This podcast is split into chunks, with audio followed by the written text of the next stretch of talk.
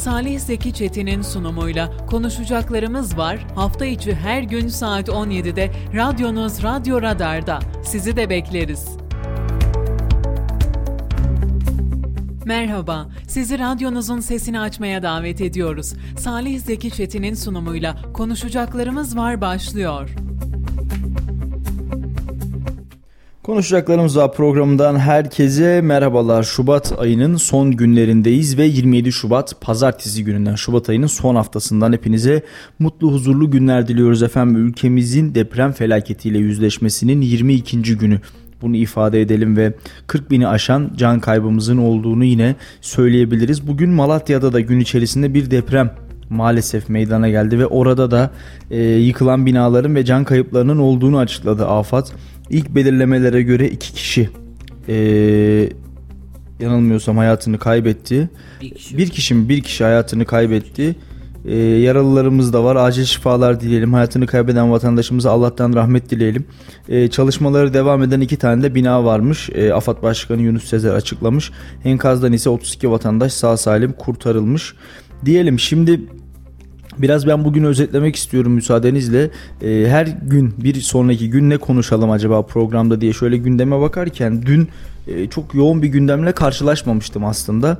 E, akabinde devam eden ve ilerleyen saatlerde e, tabii ki ülke gündemi çok hızlı şekillendi ve bir anda böyle adeta bugün konuşacağımız tonla malzeme ortaya çıktı e, Kızılay'ın çadır ve kuru bakliyat skandalından e, Kayseri Spor'un talihsiz diyeyim talihsiz açıklamasına yine e, Cumhurbaşkanı'nın helallik istemesinden Adıyaman'daki deprem faaliyetlerine ve Kayserili siyasilerin e, dünkü Kayseri Spor açıklamasına karşı söylediklerine kadar bugün konuşacağımız yine konular var.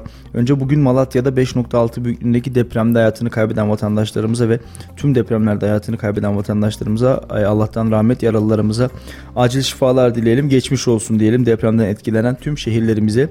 Bizler de tabii Kayseri'de olmamız hasebiyle deprem bölgesine yakın olmamız hasebiyle ciddi manada bu sallantıları hissediyoruz ama uzmanların söylediğine göre Kayseri'de herhangi bir yıkım söz konusu olacak büyüklükte bir depremin olması mümkün değil. O sebeple onlar da panik yapmayın diyorlar ve Kayseri'de e, böyle sallantılar olsa da en azından vatandaşlarımız en azından rahat e, bir şekilde evlerinde otursunlar. Özellikle yeni binalarda ve hasarın olmadığı evlerde rahat bir şekilde vatandaşlarımız tabii ki oturabilirler. Uzmanlar böyle söylüyor.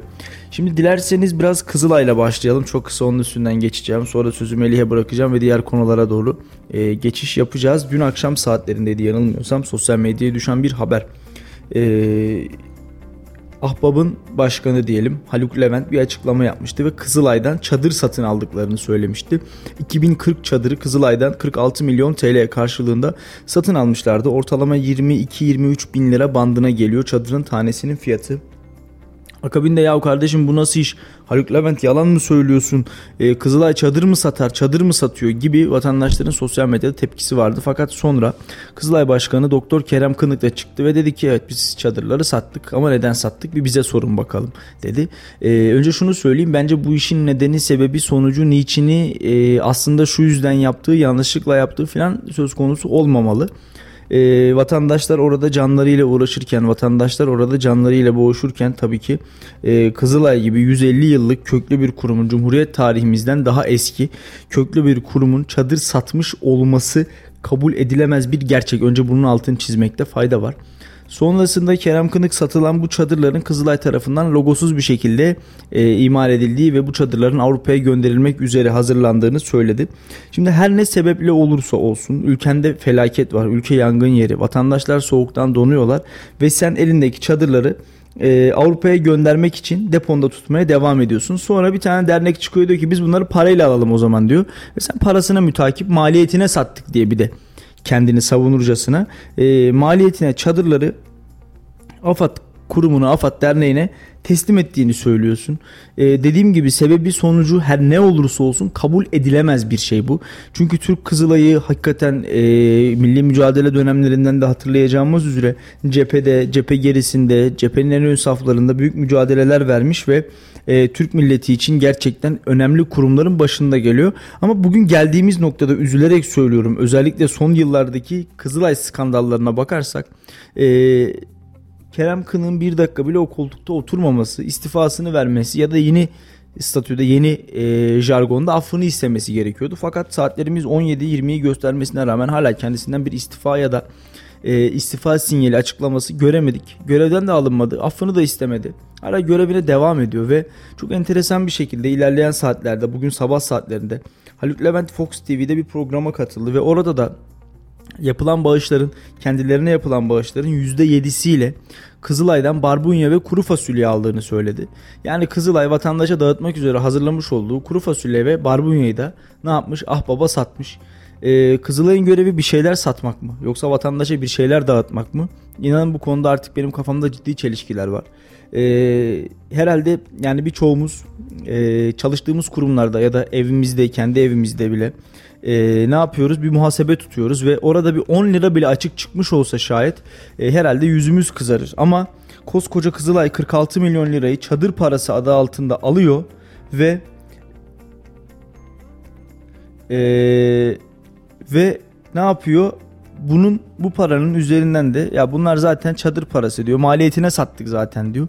Sebepleri, sonuçları, niçinleri, nasılları olmayan, olamayan bir e, yolun ortasındayız öyle söyleyelim ve e, baktığımız zaman da gerçekten aslı astarı nedir? Bunu tabii ki ilerleyen süreç gösterecek ama gerçek ve baki olan bir şey var. O da Kızılay gibi böylesine Türk milleti için önemli ve köklü bir kuruluşun başında oturuyorsanız yetim hakkını gözetiyorsanız Kızılay'ın kasasına giren her bir kuruşunda, cebinizden çıkan her bir kuruşunda, e, afet döneminde uzanamadığınız ya da normal zamanda uzanamadığınız her bir vatandaşın da o kurumda hakkı olduğu ve ben e, başta Kerem Kınık olmak üzere bütün yönetimini, tüm genel müdürlerini, bu işte parmağı olan, ufacık düşüncesi olan, e, dahilinde olan, bilgisi dahilinde olan her kim varsa onu hızlı bir şekilde görevinden affını istemeye davet ediyorum.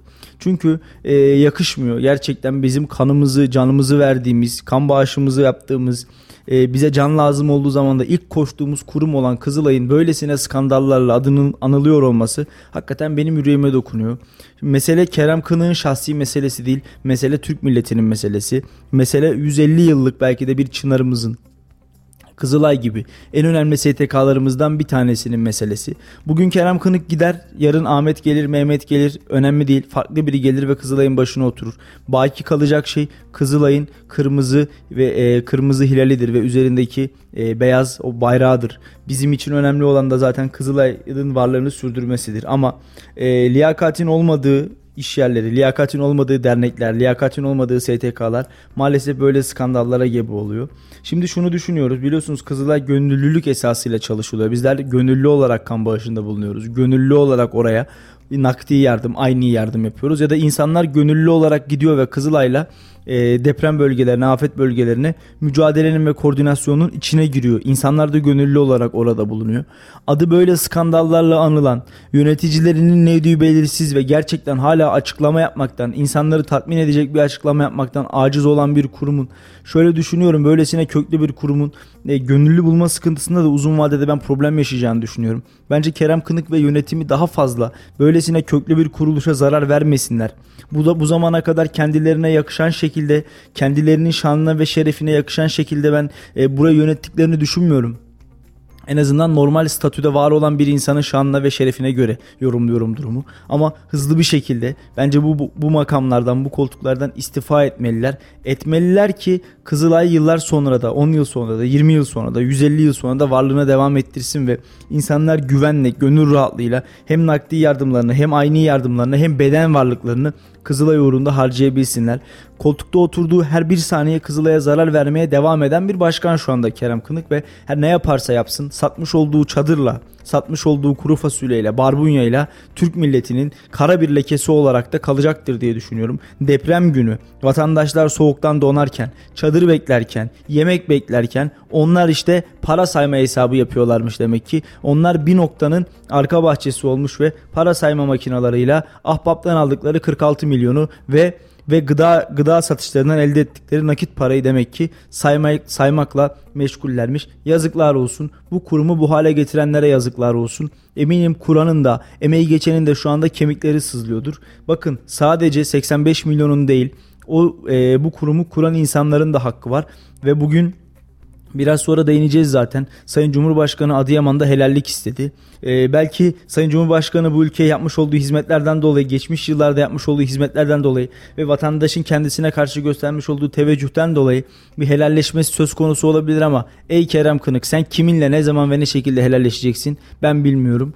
Ee, kıldan daha ince Sırat Köprüsü'nden geçerken kıldan daha ince Sırat Köprüsü'nden geçerken orada feryat eden çocukların çığlıkları, aç yemek bekleyen, depremzedelerimizin boş tabaklarla yemek beklerken senin Ahbap Derneği'ne sattığın o ba- ba- bakliyatlar, barbunyalar, kuru fasulyeler ve insanlar soğuktan donarken senin depolarında tutup iki gün sonra Ahbap'a sattığın o çadırlar umarım o gün gelip seni kurtarabilir. Yoksa bu millet seni hiçbir zaman affetmeyecek ve eminim aradan 20 yılda geçse 50 yılda geçse Kerem Kınık belki de Kızılay tarihinin tek leke sürülmüş ve kapkara simsiyah bir noktası olarak Kızılay tarihinde de ülke tarihimizde de duracak. Çok üzülerek söylüyorum. Hepimizin yüreği parçalandı değerli dinleyenler. Benim inanıyorum benim olduğu kadar sizlerin de. Gerek Adıyaman'da, gerek Malatya'da, gerek Osmaniye'de, gerek Kahramanmaraş'ta, gerek Diyarbakır'da, gerek Adana'da, gerekse Malatya'da, yıkımın olduğu 10 şehrimizin tamamında, hatta Sarız'da, hatta sonradan dahil edilen Elazığ'da bile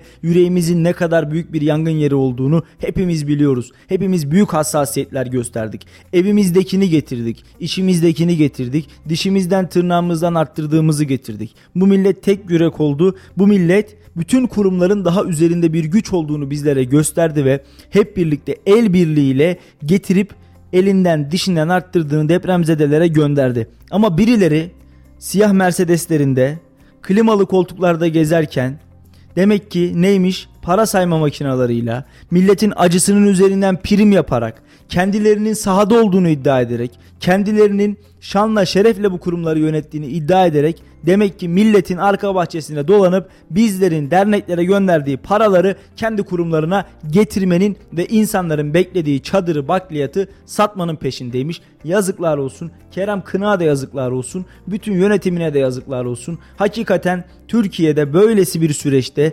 insanların acısının olduğu bir süreçte hala enkazların kaldırılma çalışmaları devam ederken, insanların ceset kokuları o 10 şehrimizin üzerinden daha henüz gitmemişken, insanlarımızın kırkı bile çıkmamışken Kızılay'ın ve diğer kurumlarımızın karıştığı skandallar Türk tarihinde kabul edilemez ve eminim ki bu enkaz günün birinde kaldırıldığında Kızılay'ın yöneticilerinin de Kızılay'ın o başkanının da bu vatandaşın yüzüne bakacak 2 gramlık 2 gramlık suratı olmayacak. Vatandaş unutmayacak bunu biliyoruz.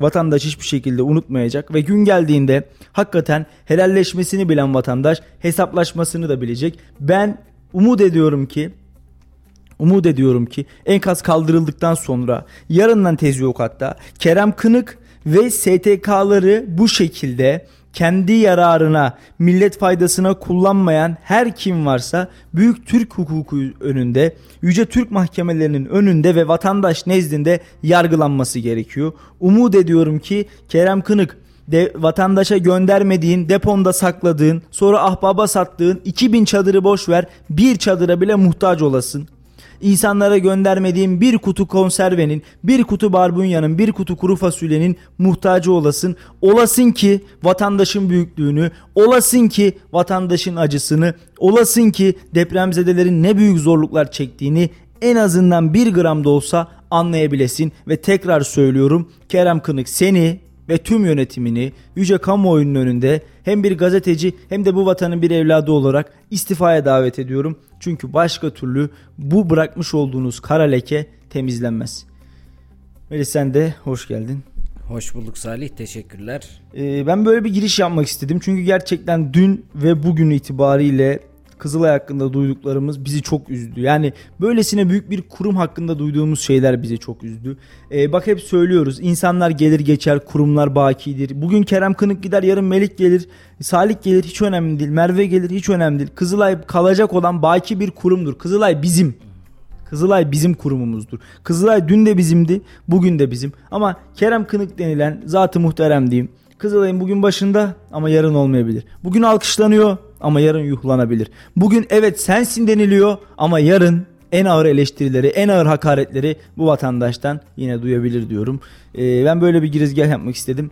Dilersen sen bir kısa bir vereceğin bilgi varsa gündemden bir şeyler varsa onlara geç. Sonrasında ise biraz Kayseri Spor'a değinelim istiyorum. Biraz da tabii Cumhurbaşkanı'nın Adıyaman'daki e, helalleşmesine değinelim istiyorum. Şimdi hepimizin bildiği gibi bugün tekrar depremlerle Türkiye zaten beşik gibi sallanıyor. Ve bununla beraber bugün de Malatya'da 5.6 şiddetinde yeni bir deprem meydana geldi.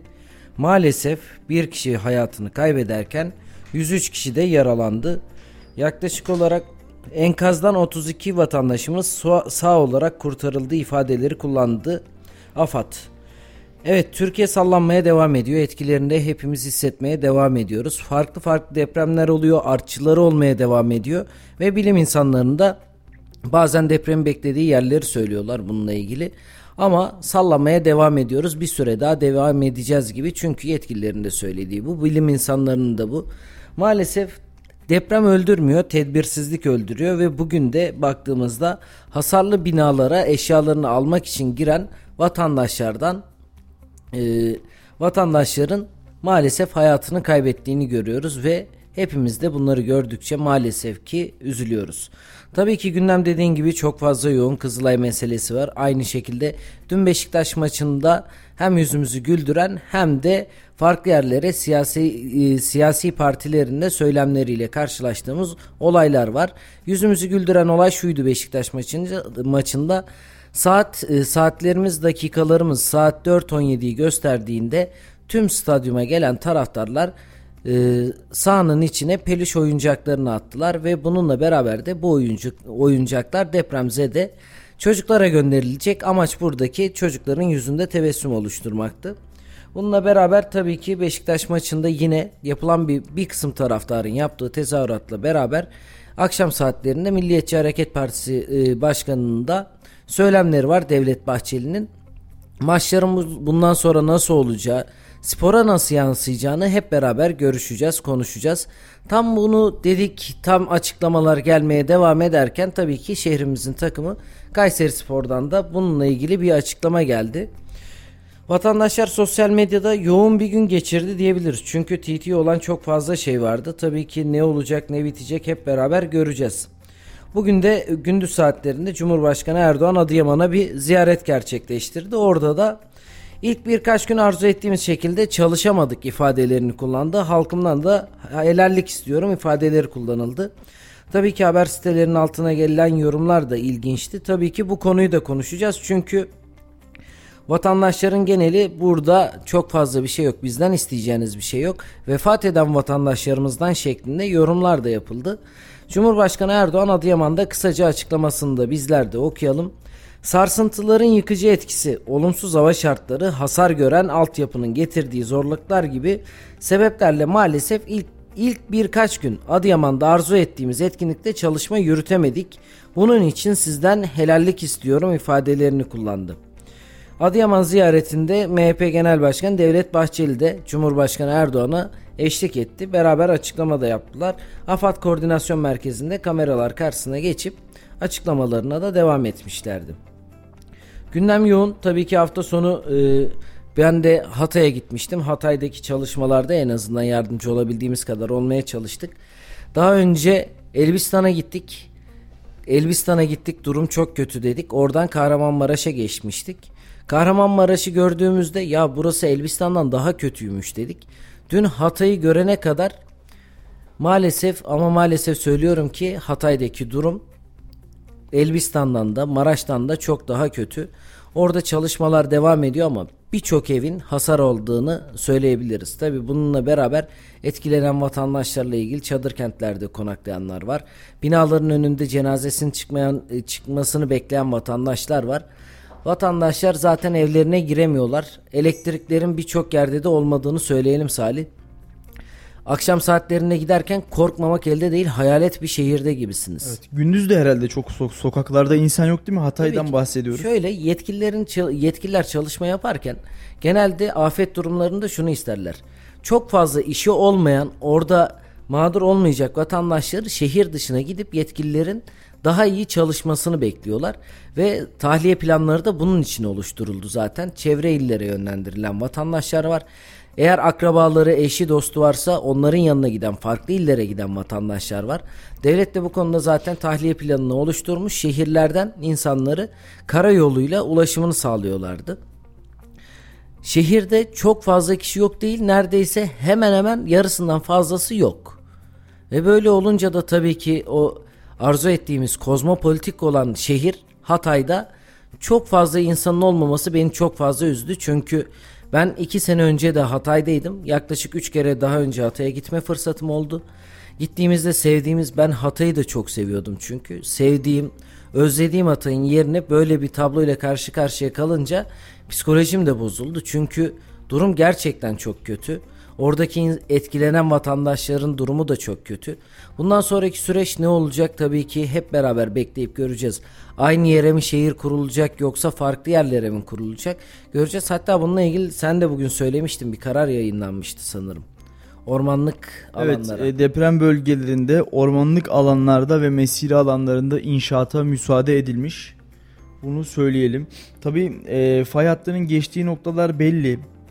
E, bundan sonraki süreçte yeni kurulacak olan özellikle Hatay ve e, yine yıkımın büyük olduğu noktalardan Kahramanmaraş'ta vesaire e, nasıl şehirleşme yapılacak? Bunları bizler de merakla bekliyoruz zaten.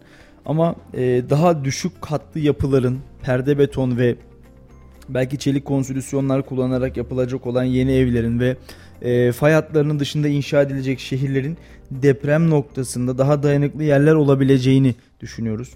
Yine e, Naci Görür var deprem e, jeolog biliyorsun. Kendisinin bir açıklaması vardı. Çok uzun yıllar dedi bu coğrafyaya bir daha deprem uğramayacak. Yani fay hatlarının e, hareketlerinden ve oradaki enerjinin boşalmasından dolayı. Bu depremler tamamen bitip enkazlar kaldırıldığında dedi bizler bu coğrafyada e, depreme dayanıklı yapıların e, depreme dayanıklı şehirlerin inşasında başrol oynayabiliriz dedi. Yani önümüzde dedi belki deprem olmayacak 10 yıl 20 yıl değil 50 yıl 100 yıl var ve bu süre zarfı içerisinde depreme dayanıklı şehirleri eğer inşa edebilirsek o zaman dedi önümüzdeki nesiller bizlerden sonraki nesiller depremde bu kadar büyük yıkımlara maruz kalmazlar dedi. Hakikaten bize burada büyük sorumluluklar düşüyor. Hem 99 depremini görmüş bir nesil var. Hem e, aralardaki Van, Elazığ, e, İzmir, Tunceli gibi büyük depremleri görmüş bir nesil var. Yine bunun yanında 2023 depremini görmüş e, bir nesil var. Yani birçok depremi görmüş bir nesil var artık şu anda sahada çalışan ve e, ekranları başında. Bu sebeple ben önümüzdeki nesillere yani çocuklarımıza belki torunlarımıza 50-100 yıl sonrasını konuşacak olursak belki torunlarımızın çocuklarına depremlerin olduğu ama yıkımların, ölümlerin yaşanmadığı bir Türkiye'yi bırakabiliriz. Bu hayal değil yapılacak çalışmalarla fay hatlarının e, doğru analizleriyle ve şehirleri doğru taşımayla ben inanıyorum ki bizden sonraki nesiller noktasında e, çok daha güzel bir coğrafyayı, çok daha güzel bir Türkiye'yi torunlarımıza hatta onların çocuklarına bırakabiliriz. Salih ee, şöyle bir durum var. Zaten Türkiye tüm yayınlarımızda konuştuk. Evet. Deprem öldürmüyor, tedbirsizlik öldürüyor. Kesinlikle. Ve Türkiye'de deprem ülkesi. Ya bu gerçekten kaçamayız artık Melih. Yani 2 2 2 daha 2 e, 2 daha 4 eder kadar e, doğal bir sonuç bu. E, matematik Hepimiz sınav veriyoruz. Yani Kesinlikle. ilk yayınlarımızda da konuştuk. Dedik ki bu deprem herkes için büyük bir sınav. Şimdi Meli e, çok üzülerek söylüyorum. Biz birçok noktada evet yetişti devlet ama sınıfta kaldığımız hususlar vardı. Onları bugün konuşmak belki doğru değil. Onların daha ilerleyen süreçte safhalarda konuşulması gerekiyor. Ama ben bir noktaya parantez açmak ve bir konuya dikkat çekmek istiyorum. İlk başlarda yani devlet şuraya da yetişemedi bakın buraya da yardım gitmiyor dediğimiz zaman ya devlet her tarafa yetişti ya hükümet her tarafa yetişti bakın yalan söylüyorsunuz ya da işte vay şöyle demeyin diye insanlar söylüyorlardı. Ee, hatta ikinci gündü zannedersem ekonomi bakanı yani hazine ve maliye bakanı Nurettin Nebati çıktı ve dedi ki şu anda tüm ekiplerimizle sahadayız ve ulaşılmadık hiçbir yer kalmadı dedi. Aynı şekilde yine e, hiçbir müdahalenin geç olmadığı, geç yapılmadığı ve tam manasıyla devletin tüm imkanları seferber edilerek enkazlara ulaşıldığı ve tüm enkazlarda çalışmalar yapıldığı da zaman içerisinde söylenmişti. Ama biz hep şunu söyledik. Her şey bu kadar anlatıldığı kadar güzel değil. Anlatıldığı kadar eksiksiz değil. Yanlışlarımızla kusurlarımız var ve gerçekten vermemiz gereken insanlara yanıtlarımız var. Bunu söyleyelim. Yani şunu ifade edelim bir kez daha. Bugün Sayın Cumhurbaşkanı'nın bugün Sayın Cumhurbaşkanı'nın yapmış olduğu açıklamada Adıyaman'daki ilk 1-2 gün e, koordinasyon sıkıntısı yaşadık. Evet eksiklerimiz oldu. Problemlerimiz oldu. Bu noktada vatandaşlarımızdan helallik istiyoruz cümlesi de zaten bizlerin o günlerde gerek kameralar karşısında gerek sosyal medyada bakın şurada eksik kalıyoruz dediğimiz günleri hatırlıyoruz ve haklı çıktığımızı üzülerek söylüyorum haklı çıktığımızı görüyoruz. Yani bizler o gün orada bakın buraya yardım gitmiyor burada eksik var dediğimizde olur mu kardeşim her tarafa yardımlar gitti diyen vatandaşlar bugün Sayın Cumhurbaşkanı'nın açıklamasını defaatle okusunlar. ısrarla okusunlar, dinlesinler ve gerçekten o günlerde ciddi sıkıntılar yaşadığımızı, Allah tekrarını yaşatmasın, ciddi koordinasyonsuzluklar yaşadığımızı görecekler. Şunu ifade edelim. Allah razı olsun bu millet gerçekten büyüklüğünü bir kez daha gösterdi. Allah bu devlete zeval vermesin. Allah bu millete zeval vermesin. Bundan yana hiçbir sıkıntımız yok. Ama eksiklerimizi görmemiz gerekiyor. Hatalarımızı, yanlışlarımızı bilmemiz gerekiyor. Adeta temiz ve boş bir sayfa gibi önümüze koyup deprem öncesinde ve sonrasında yapmış olduğumuz bütün hataları, eksiklikleri harfiyen noktasını virgülünü atlamadan yazmış olmamız gerekiyor. Gerekiyor ki bak gerekiyor ki önümüzdeki süreçte aynı hatalara tekrar düşmeyelim. Müslüman aynı delikten iki defa ısırılmazmış. Ama biz her deprem olduğunda Müslüman olduğumuzu söyleyip defalarca kez kayıplar veriyoruz. Aynı delikten bir kez iki kez değil. Defalarca kez ısırıldık ve ısırılmaya devam ediyoruz. Kayseri'deki yapılar 50 yıl aşmış yapılar var burada. Burada e, kentleşme planlanırken, şehirleşme planlanırken o plandan çok daha uzun yıllar önce yapılmış yapılar var burada. Onların denetlenmesi gerekiyor. Yıkılması gereken yapılar var burada. Sadece Kayseri'de değil, İstanbul'da da, Kocaeli'de de, Yalova'da da, Ankara'da da, Adıyaman'da da, Konya'da da, Diyarbakır'da da, Mardin'de de, Urfa'da da birçok noktada yıkılması gereken yapılarımız var. Bunların yıkmak için deprem olmasını beklemeyelim. Bu yapıları yıkalım. Ayakta zor duran, Artık mecali kalmamış. Demir ve çimentonun ömrünü tamamlamış olduğu yapılarımız var. Lütfen ama lütfen bunları defaatle yıkmamız gerekiyor. Bir canla daha mal olmasına izin vermeden yıkmış olmamız gerekiyor. Yine Sayın Cumhurbaşkanı'nın açıklamasına dönelim. Bizler o gün çadır noktasında hala aynı şeyi söylüyoruz. Hala aynı şeyi söylüyoruz. AFAD hala Hatay'da ulaştıramadığı köyler var. Şehir merkezine giden yardımlar mı? Allah razı olsun. Elbistan'a da gittik, Maraş'a da gittik, gördük or Göksu'na da gittik. Oradaki yardımların ne noktalara ulaştığını, ulaşabildiğini gördük zaten. Ama Melih şunu söyleyeyim. Depremi sadece şehir merkezleri, sadece ilçe merkezleri yaşamadı. Kırsal mahallelerde de bu sıkıntı var. Köylerde de yıkımlar var. İşte biz bir dağ köyündeki vatandaşa erişemediysek, kırsal mahalledeki bir kardeşimize ulaşamadıysak, dağın başındaki bir çobana yardım götüremediysek işte o vakit tam manasıyla koordineli bir şekilde biz bu işi hallettik enkazı kaldırıyoruz diyemeyiz. Ve hala Hatay'da, Defne'de, Antakya'da maalesef üzülerek söylüyorum çadırların ulaşamadığı insanlar var. Hala çadırlarımızın ulaşamadığı insanlar var. Bu insanlara çadır ulaştırmamız gerekiyor. Bu insanlara yakacak ulaştırmamız gerekiyor. Bu insanlara aynı yardımlara hızlı ve defaat bir şekilde devam etmiş olmamız gerekiyor.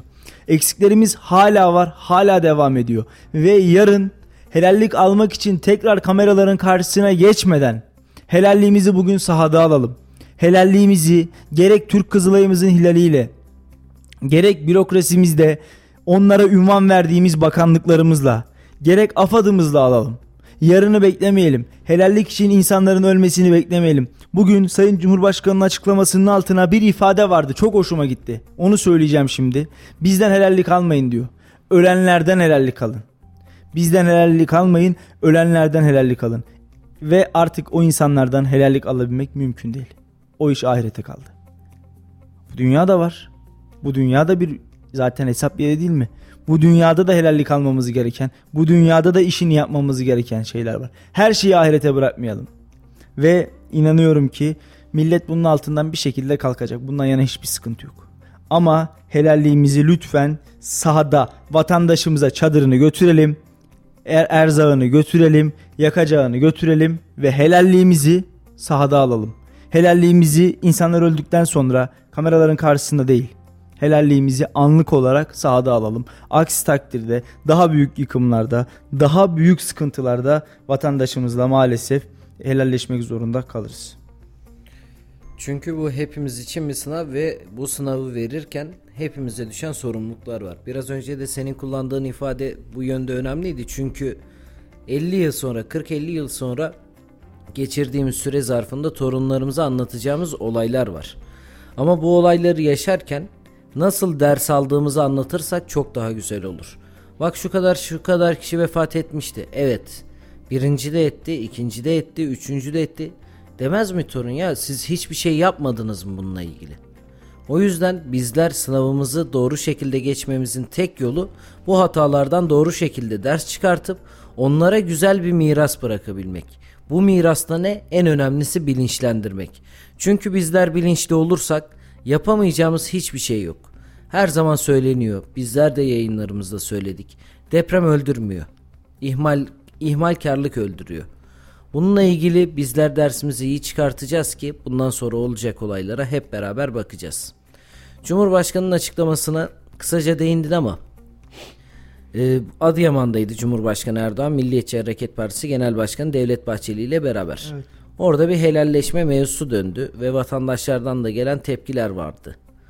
Bu işin farklı tarafı çünkü Milliyetçi Hareket Partisi Genel Başkanı'nın bir açıklaması var. Dün Beşiktaş maçı ile ilgili. O evet. konuya da değinelim. Ben dün yoldaydım. Hatay'dan Kayseri'ye dönerken biraz yoğun bir gündem vardı ama ben çok fazla haiz olamadım. Çünkü sahada çalışma gerçekleştiriyordum. Evet. Beşiktaş gündemini bir de senden dinleyelim Salih. Neler oldu dün? Şimdi e, bunun bunu da ben Kayseri Spor'a da bağlamak istiyorum açıkçası. Anlam veremediğim bir çıkıştı. Kayseri Spor cephesinde. İlk andan itibaren neler yaşadığını Şimdi, merak ediyorum. E, Fenerbahçe Konya Spor mücadelesini izledik ve e, tribünlerin bir tepkisi vardı. Özellikle hükümete karşı e, bir beste gerçekleştiler. Bir beste söylediler ve sonunda da hükümeti istifaya davet ettiler. Akabinde e, aynı gün Giresun Spor Kayseri Spor mücadelesi de vardı ama Giresun'da böylesi olaylar olmadı. Böylesi e, tezahüratlar yapılmadı. Sonrasında dün akşam saatlerinde e, Beşiktaş evinde Antalya Spor'la karşılaştı ve o mücadelede de yine Beşiktaş'ın e, taraftar grubu olarak bildiğimiz çarşı grubu yine hükümeti istifaya davet etti ve tribünlerden çarşı grubundan bir grup. Hükümet istifa evet çarşı, çarşı grubundan bir grup hükümet istifa diye bağırdı. E, bunun üzerine Milliyetçi Hareket Partisi Genel Başkanı Devlet Bahçeli de zaten Beşiktaşlı biliyorsun. Kendisi bir açıklama yaptı Twitter üzerinden ve e, bunun bir provokasyon e, olduğunu, vatandaşları galeyana getirmek için yapıldığını ve e, kulüp başkanlarının gerekli tedbirleri almasını gerektiğini, gerekirse müsabakaların e, seyircisiz oynanması gerektiğini ifade eden bir tweet attı. Sence gerekli tedbirlerden kastımız ne? Yani ne olabilir? Yani diyor ki taraftar gruplarınızla konuşun diyor. Taraftarlarınıza çağrıda bulunun. Hükümeti istifaya davet eden ya da insanları sokağa davet edebilecek eylemlerden kaçınsınlar diyor. Çünkü Fenerbahçe'de başladı. Galatasaray e, Beşiktaş'a devam etti. Bu hafta Galatasaray'ın maçı yoktu. Belki haftaya Galatasaray taraftarı da aynı tepkiyi verecekti.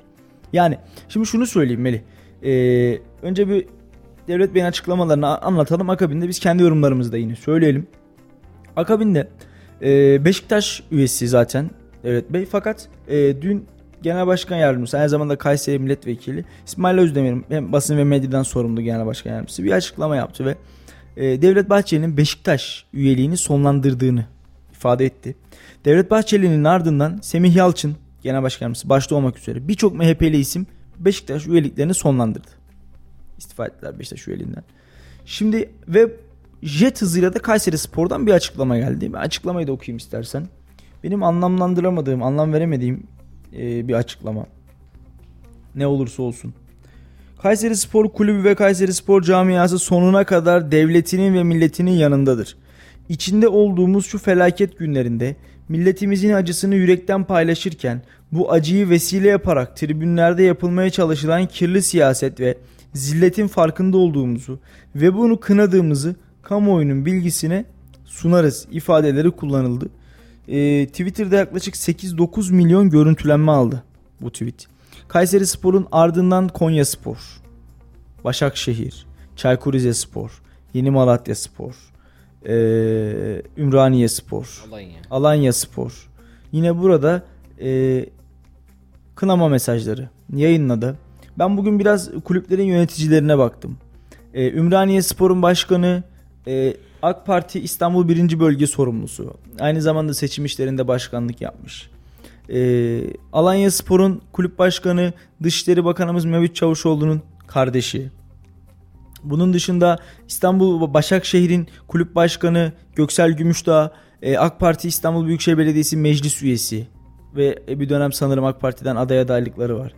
E, bunu da söyleyelim.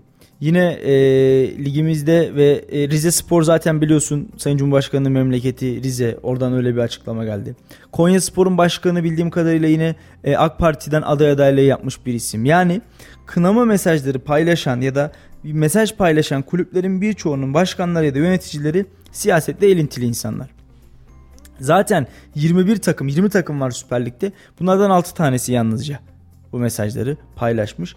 Ben neden bu kadar hızlı bir reaksiyon aldığımızı Kayseri Spor olarak anlayamadım. Yani e, bizim maçımızda bir tezahürat yapılır. Bizim maçımızda bir ifade ortaya konur. Tamam dersin ki ya biz işte e, siyasi iradenin yanındayız. Hani bunu da direkt olarak devletle bağdaştırmak da yanlış da. Hepimiz devletin yanındayız. Bunda hiçbir beis yok. Biz son birkaç yıldır devlet ve hükümet kavramlarını birbirinden ayıramıyoruz maalesef. Birbirinden ayıramıyoruz. Ayırmak gerekiyor. Ee, biz siyasi iradenin yanındayız. Hani spor kamuoyunun bilgisini sunarız dese yine problem yok. Bizim maçımızda herhangi bir slogan vesaire söz konusu değil. Bu şu mu oluyor acaba? İşte yarın bir gün Kayseri Spor'un mücadelesinde de böyle sloganlar atılırsa biz baştan söyleyelim.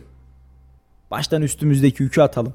Hani bir baba çocuğunu okul başlarken dövmüş. İşte belki çok abes bir örnek olacak ama işte tokat atmış. Demiş ki baba niye bana vuruyorsun? Matematikten demiş zayıf alma demiş. Baba demiş daha okul başlamadı. Olsun ben döveyim. Sen alma haberin olsun. Şimdi bizler de Kayseri Spor tribünlerinde böyle sloganlar atılır, böyle tezahüratlar yapılır diye mi acaba erkenden açıklama yapmayı gerekliyorduk? Bir de uzaktan yakından konunun bizim şehrimizle ya da bizim takımımızla hiçbir ilgisi yok. Ben sporun siyasetten ayrılması gerektiğini savunuyorum. Bunu sana söyleyeyim Melih. Gönül rahatlığıyla. Spor ve siyasetin birbiriyle hemhal olmaması gerektiğini savunuyorum. Ve hani Kayseri Spor şu an zor bir süreçte. Hem Başkan Ali Çamlı hem yöneticiler ellerini taşın altına koydular. Zor bir takım devraldılar. Bizler onlar galip geldikçe mutlu oluyoruz. Onlar galip geldikçe e, seviniyoruz ve gerçekten şehrimizin adını bir noktada dalgalandırdığı için gururla bahsediyoruz. Ama Kayseri Spor'un ve diğer kulüplerin siyasetin çok üstünde olduğunu ifade edelim. Bugün Galatasaray, Fenerbahçe ve Beşiktaş diye adlandırabileceğimiz 3 büyük kulübün, 3 İstanbul takımının bugün toplam seyirci sayısına baktığımızda, toplam taraftar sayısına baktığımızda herhalde 70 milyonu, 75 milyonu bulmuştur diye düşünüyorum Türkiye'de. Yani e, böylesine bir kitlenin minimum bazda söylüyorum sana yarısının fanatik olduğunu. Geri kalan yarısını yani dörtte birinin de aşırı fanatik olduğunu düşünürsek Türkiye'de aşağı yukarı 5, 6 belki 10 milyona yakın futbol fanatiği var. Bu kadar çok futbol fanatiğini bir noktada karşınıza almanın siyasi irade olarak biz bu insanların maçlarını seyircisiz oynatalım demeniz ben çok doğru bulmuyorum.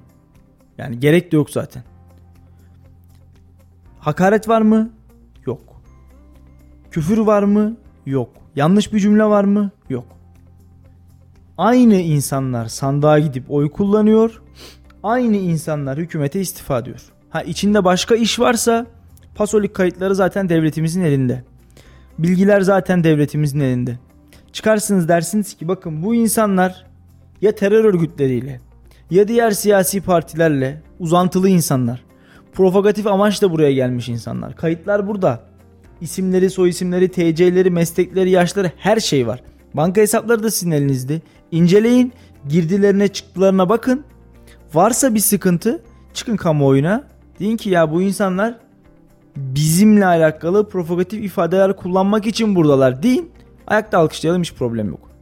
Ama vatandaş çıkmış küfür etmemiş, hakaret etmemiş, bir şey söylememiş, hükümet istifa etsin demiş. Ya zaten futbol seyircisi 90 dakika söyler, 92. dakika stat'tan çıktığı anda biter. Yani bir reaksiyon gösteriyor vatandaş. Her şeye bu kadar e, katı bakmayalım. Her şeye bu kadar tahammülsüz yaklaşmayalım. Bırakalım. Vatandaş eleştirecek. İyi Twitter'da söyleme. Statta söyleme. Medyada söyleme, gazetede yazma, yayında söyleme. E bu vatandaş nerede söylesin? Bu insanlar içini nerede boşaltsın? Yani bu sebeple e, şunu da söyleyeyim. Ben haftaya Fenerbahçe mücadelesi burada oynanacak. Kayseri Spor'la Fenerbahçe cumartesi günü saat 19'da burada olacak. Bizler de Allah'tan bir mani çıkmazsa mücadelede izliyor olacağız. Maç önü ve maç sonu yayınıyla yine takipçilerimize ulaşıyor olacağız. O maçta neler olacak merakla bekliyorum. Yani çünkü ilk açıklamayı yapan takım Kayseri Spor, ilk tezahüratı yapan takım Fenerbahçe, Kayseri Spor tribünlerinden de şu anda bak mesela Kapalı Kale'nin taraftar grubu başkanı Ahmet Dirgeneli çok güzel bir açıklama yapmış. Yani böyle bir açıklama yapılmış olsa Kayseri Spor'dan böyle bir açıklama yapılmış olsa bugün hepimiz ayakta alkışlardık herhalde. Ama Kayseri Spor'un yaptığı açıklama çok talihsiz.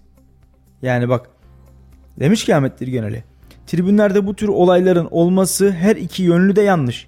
Tribünler artık büyük birer STK'dır ve içinde her düşünceden insanı barındırıyor.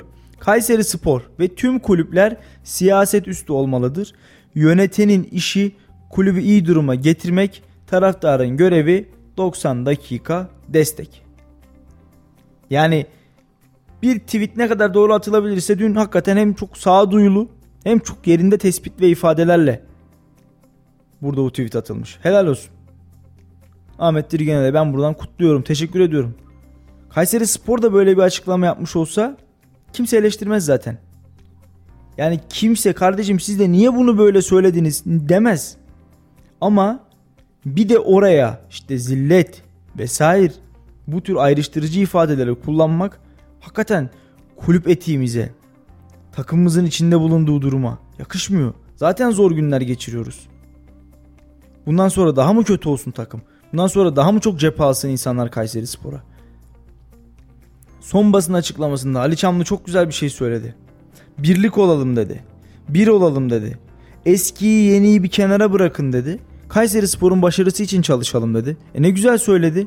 Oradaki birleştirici tavrı, oradaki birleştirici ifadesi. Ha bu açıklamayı Sayın Başkan yapmıştır ya da basın sözcüsü Samet Koç yapmıştır onu bilmiyorum. Ama Kayseri Spor siyasetin üstünde bir kurumdur.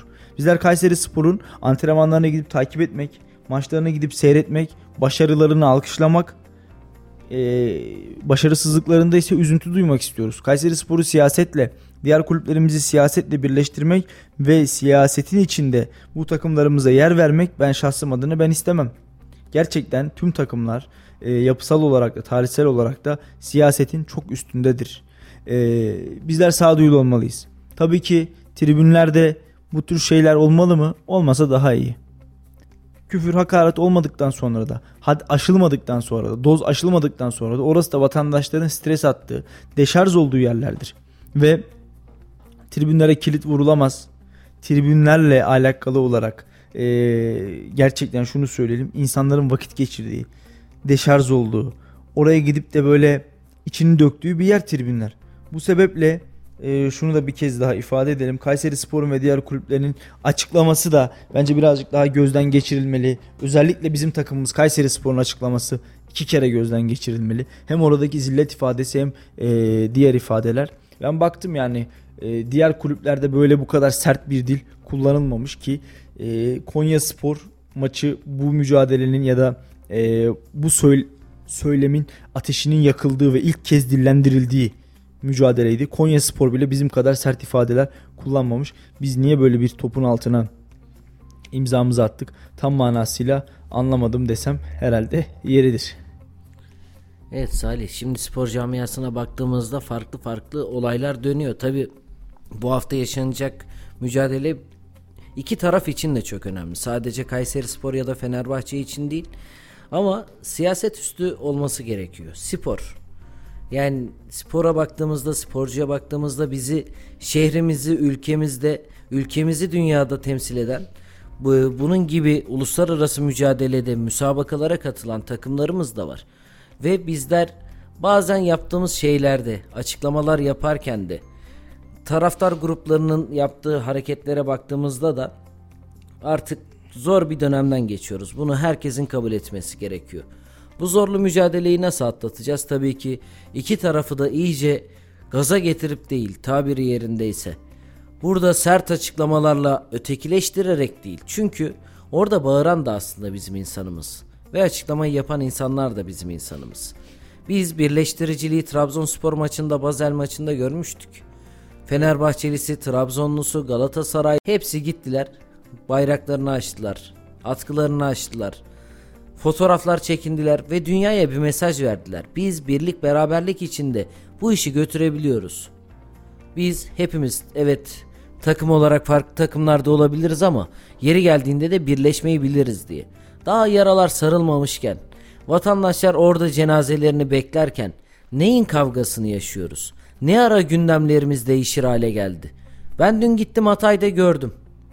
Aileler hala zorlu, zorlu şartlarda yaşayanlar var. Samandağ'da aileler çocuklarını yanına alıp da yetkililer bizi uyarıyor. Biz su bulamıyoruz diye depolara gelen aileleri gördüm. Şimdi bunları yaparken biz neye göre hangi konuya da konudan konuya geçiyoruz?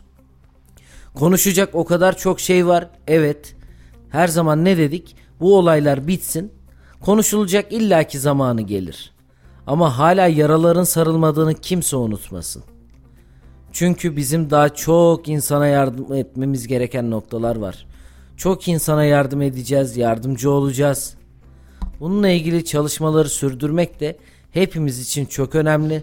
Unutmayın 40 kere düşünelim, bir kere söyleyelim.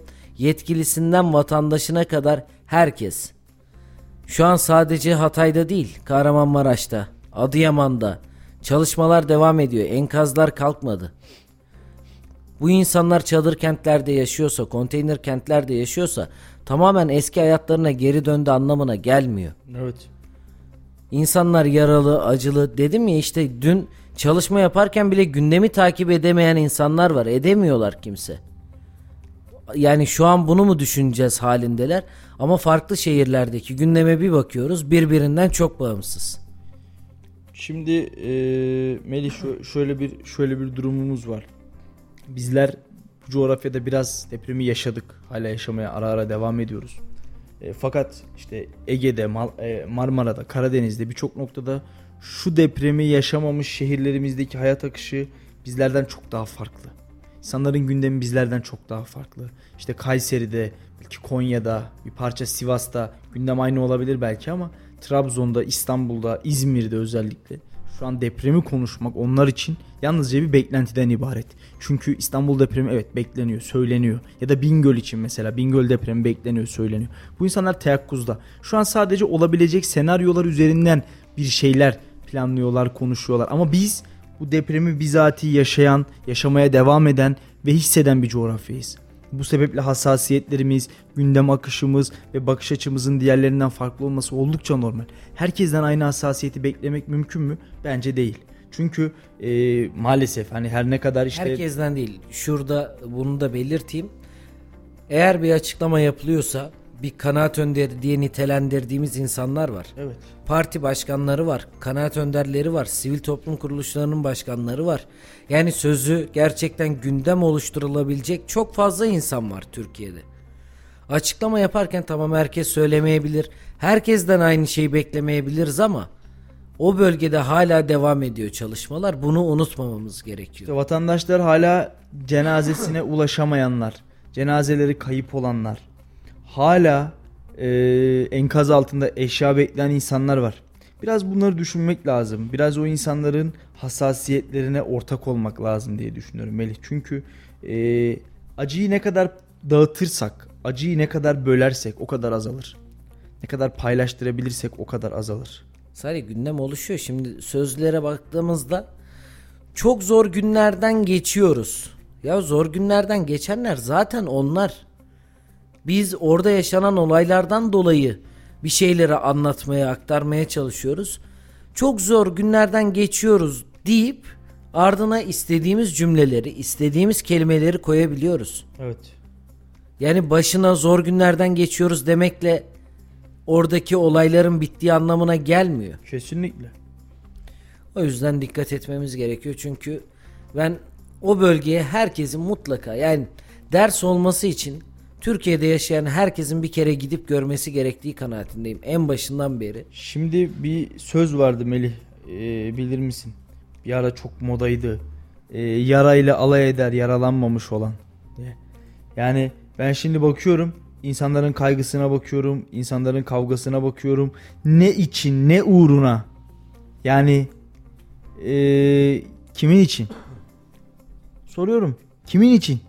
Bizim peşinde koştuğumuz, uğruna dakikalarımızı, günlerimizi, ömrümüzü harcadığımız şu dünya deprem bölgesinde yaşayan insanlar için artık hiçbir anlam ifade etmiyor. Hiçbir anlam ifade etmiyor. Ve her ne olursa olsun gerçekten bak. Yani insanların mutluluğu, insanları anlamak, onlara yardım etmek için vereceğimiz bir adım birçok kişinin hayatına dokunabilir. Birçok kişinin hayatını değiştirebilir. Bu sebeple e, gerçekten üzerimize düşen sorumluluğu fazlasıyla yerine getirmeliyiz. Sadece deprem bölgesindeki insanlara karşı değil. Bizim kendimize, ailemize, geçmişimize ve en önemlisi bizlerden sonra bu dünyaya gelecek olan torunlarımıza, çocuklarımıza bir sorumluluğumuz var. Şimdi benim bir tane oğlum var işte biliyorsun 9 aylık. Yarın büyür, ben görürüm ya da göremem. Ama şunu söyleyeyim. Benim o çocuğa karşı bir borcum var. Onu sadece dünyaya getirmek, sadece beslenme ihtiyacını, barınma ihtiyacını, eğitim ihtiyacını karşılamakla benim görev ve sorumluluklarım bitmiyor. Aksine onu yetiştirmek, iyi bir insan yapmak, doğruyu yanlışı anlatmak, çalmanın, liyakatsizliğin ne kadar kötü bir şey olduğunu anlatmak, iyiliğin ve güzelliğin de aynı şekilde onun nezdinde yayılmasını sağlamak. Bunların her biri benim o çocuğa karşı olan Ahlakı borcum. Öğret. Ahlakı öğretmek kesinlikle bir borcum ve elimden geldiği kadar, gücüm yettiği kadar ona şerefli, namuslu, haysiyetli ve yaşanabilir bir dünya bırakmak da benim boynumun borcu. Tek başıma bunu ne kadar yapabilirim? 8 milyarda bir. 8 milyar insanız. Hepimiz bir şeyler yaparsak ancak o zaman olur. Ve ben o 8 milyarda bir hakkımı en iyi şekilde kullanmalıyım. Sadece kendi çocuğuma karşı değil Melih. Yarın inşallah sen de evleneceksin. Senin de bir çocuğun olacak. Senin doğmamış çocuğuna karşı da bizlerin sorumluluğu var. Çünkü onlar bu dünyaya gelmeyi seçmediler. Biz onları bu dünyaya getirdik. Bizleri nasıl ki kendi seçimimizle getirmediler. Biz de aynı şekilde çocuklarımızın seçimiyle getirmemiş oluyoruz. Ve onlara karşı yaşanabilir bir dünya, yaşanabilir bir Türkiye, acıların olmadığı, liyakatsizliğin olmadığı, depremlerin salladığı ama yapıların yıkılmadığı, fay hatlarına binaların dikilmediği, yolların yapılmadığı ve en önemlisi devlet zordayken, siyaset dardayken, vatandaş yangın yeriyken o insanların cebindeki 3 kuruşa göz dikmeyen STK'ların olduğu bir Türkiye bırakmamız gerekiyor. Biz eğer 50 yıl sonra hala bu ülke depremlerinde binlerce insanın vefat ettiğini konuşuyorsak, hala bir takım STK'ların insanların cebinden nemalandığını konuşuyorsak, hala Kızılay Başkanı veya o dönem AFAD Başkanı veya X kurumun başkanı hiç önemli değil. Kim olursa olsun. Babamın oğlu olsun isterse hiç önemli değil. Hala insanlara çadırla para, kuru bakliyat sattığını konuşuyorsak. Hala buraya gelen yardımların acaba bir kısmı cebe mi iniyor ya diye düşünüyorsak. Bir arpa boyu yol kat edememişizdir. Ve işte o zaman belki Sayın Cumhurbaşkanı da bu insanlar hakkını helal eder ama bize niye etsinler? Evet yayınımızı da yavaş yavaş toplayalım.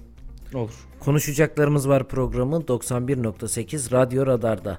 Hafta içi her gün saat 17'de kaldığımız yerden günü gündemi her şeyi konuşacağız. Ne varsa gündemde yorumlayacağız. Doğrusuyla yanlışıyla, iyisiyle kötüsüyle. Kayseri'nin ilk ve tek haber radyosu Radyo Radar'dan sizlere seslendik. Yarın aynı saatte görüşmek dileğiyle. Hoş kalın, hoşça kalın. Salih Zeki Çetin'in sunumuyla konuşacaklarımız var sona erdi.